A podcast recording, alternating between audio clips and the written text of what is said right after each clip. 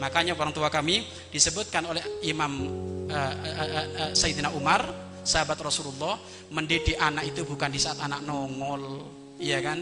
Di saat anak sudah di kandungan ibundanya, itu pun sudah ada pendidikan apa? Kurangi pekerjaanmu yang gak ada manfaatnya, apalagi pekerjaan yang haram. Kenapa? Sebentar lagi kamu akan punya anak dan anakmu itu tahu nyetrum kelakuan orang tuanya nyet nyetrum Bapak Ibu, ya kan? Makanya kalau kalau perutnya istri kalau dikusuk-kusuk kan kelihatan tuh Bapak Ibu kayak mau apa kan gitu. Ya itu memang ya ya secara anu seperti itu Bapak Ibu. Secara secara nurani memang ada ada apa?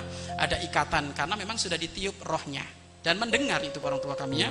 Maka alangkah indah di saat kita uh, uh, istri kita hamil yang dibaca adalah ayat-ayat Al-Qur'an dan tempat-tempat mulia yang senantiasa dihadi dihadiri